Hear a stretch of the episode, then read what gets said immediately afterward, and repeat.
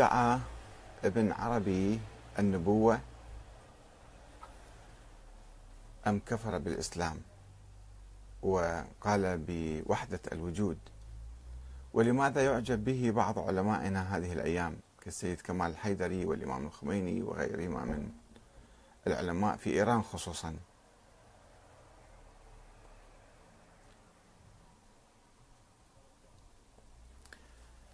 أولا من هو محيي الدين ابن عربي؟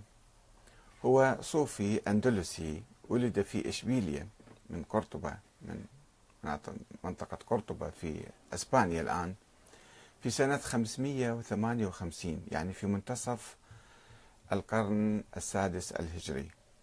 وتوفي بدمشق قام برحلة طبعا إلى الشرق. وتوفي بدمشق آه، سنة 638 ترك مؤلفات كثيرة من أهمها وأشهرها الفتوحات المكية وفصوص الحكم والتجليات الإلهية في الصورة الإنسانية. ومن أبرز تلاميذه آه، الشيخ جلال الدين الرومي صاحب المثنوي المعروف الشاعر. آه، نعتته الصوفية هو أسس مدرسة صوفية كانت قبله موجودة هاي المدرسة. الصوفيون كانوا موجودون. كانوا موجودين عفوا وهو أعطى دفعة كبيرة إلى الحركة الصوفية في التاريخ الإسلامي. ونعتوه بالشيخ الأكبر دائما يقول الشيخ الأكبر ابن عربي والكبريت الأحمر وقطب الأقطاب ووارث الرسول صلى الله عليه وآله وسلم وعلم الأعلام والغوث الفرد بينما مثلا علماء السنة وخاصة السلفيين آه، يقولون بأنه فيلسوف مارق حشوي كرامي قدري جبري جهمي مرجع باطني اتحادي بل زنديق ملحد معطل. هكذا يقولون عنه. يعني شخصية جدلية في التاريخ حقيقة.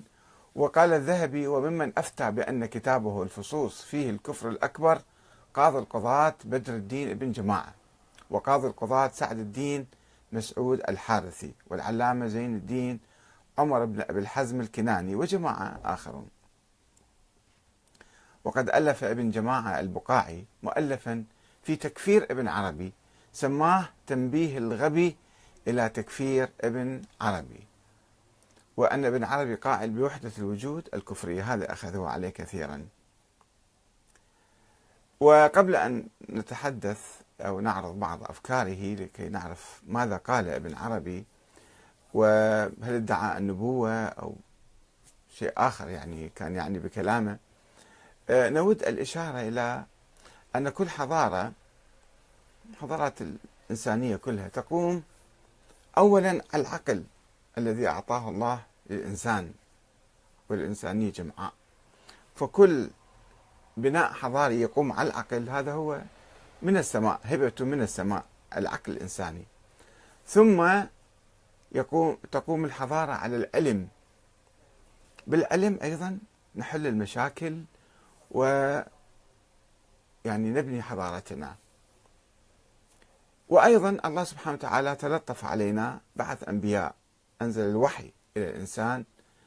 آه، فإذا اجتمعت هذه الثلاثة العقل والعلم والوحي نستطيع أن نبني حضارة راسخة وقوية ومتينة وعظيمة يعني.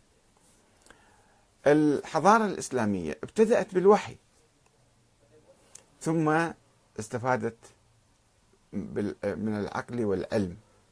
يعني كان في تيارات عديدة البعض آه، يعني تمسك بالعلم وتمسك بالعقل والبعض تمسك بالأخبار عن النبي وترك العقل وضرب العقل. وهناك مدرسة الآن مدرسة الحنبلية السلفية يمكن تقول العقل خلص العقل هو أثبت النبوة أثبت آه، وجود الله تعالى ثم أثبت النبوة وخلص بعد دورة انتهى.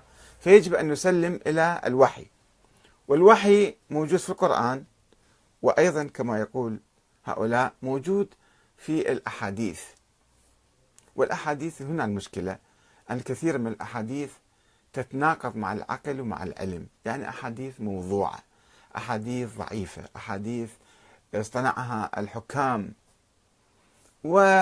تكاثرت هذه الأحاديث آه، حتى آه، يعني وصلت مئات الألوف.